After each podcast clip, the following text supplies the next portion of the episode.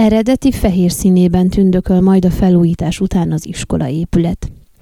Meglehetősen leromlott állapotban van a Székelykeresztúri Zeigdomokos iskolaközpont által használt, a településen ikonikusnak mondható épület, indokolta meg lapunknak Koncunor János polgármester, hogy miért lényeges a felújítás.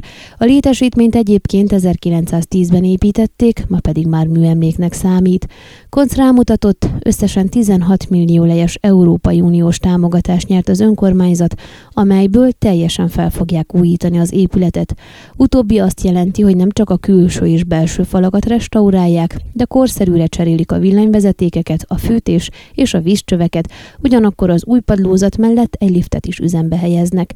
Mindemellett statikailag is megerősítik a létesítményt, továbbá új taneszközöket is fognak vásárolni. A polgármester érdekességként elmondta, hogy a munkálatok során az épület színe is megváltozik, a jelenlegi rózsaszín helyett a restaurálás után már fehéren fog tündökölni. Komolyan vesszük a munkálatot, hiszen műemléképületről van szó, ennek alapján szereztük be a szükséges engedélyeket is. A színváltoztatásra például azért van szükség, mert a korabeli dokumentumokból kiderült, hogy eredetileg fehérek voltak a külső falak, magyarázta. Azt is megtudtuk, hogy jelenleg zajlik a közbeszerzési eljárás a megfelelő kivitelező megtalálására. Az előjáró úgy tudja, hogy vannak is érdeklődők, a megvalósításra 18 hónapja lesz a kivitelezőnek.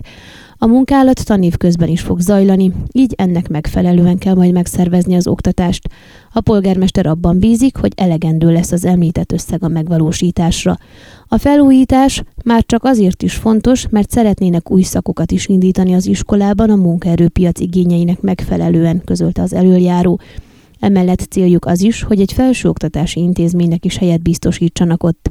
Bízunk benne, hogy egy kellően rendbehozott épületbe szívesebben jönnek majd tanulni a diákok, fogalmazott. Ön a Székelyhon aktuális podcastjét hallgatta. Amennyiben nem akar lemaradni a régió életéről a jövőben sem, akkor iratkozzon fel a csatornára, vagy keresse podcast műsorainkat a székelyhon.pro portálon.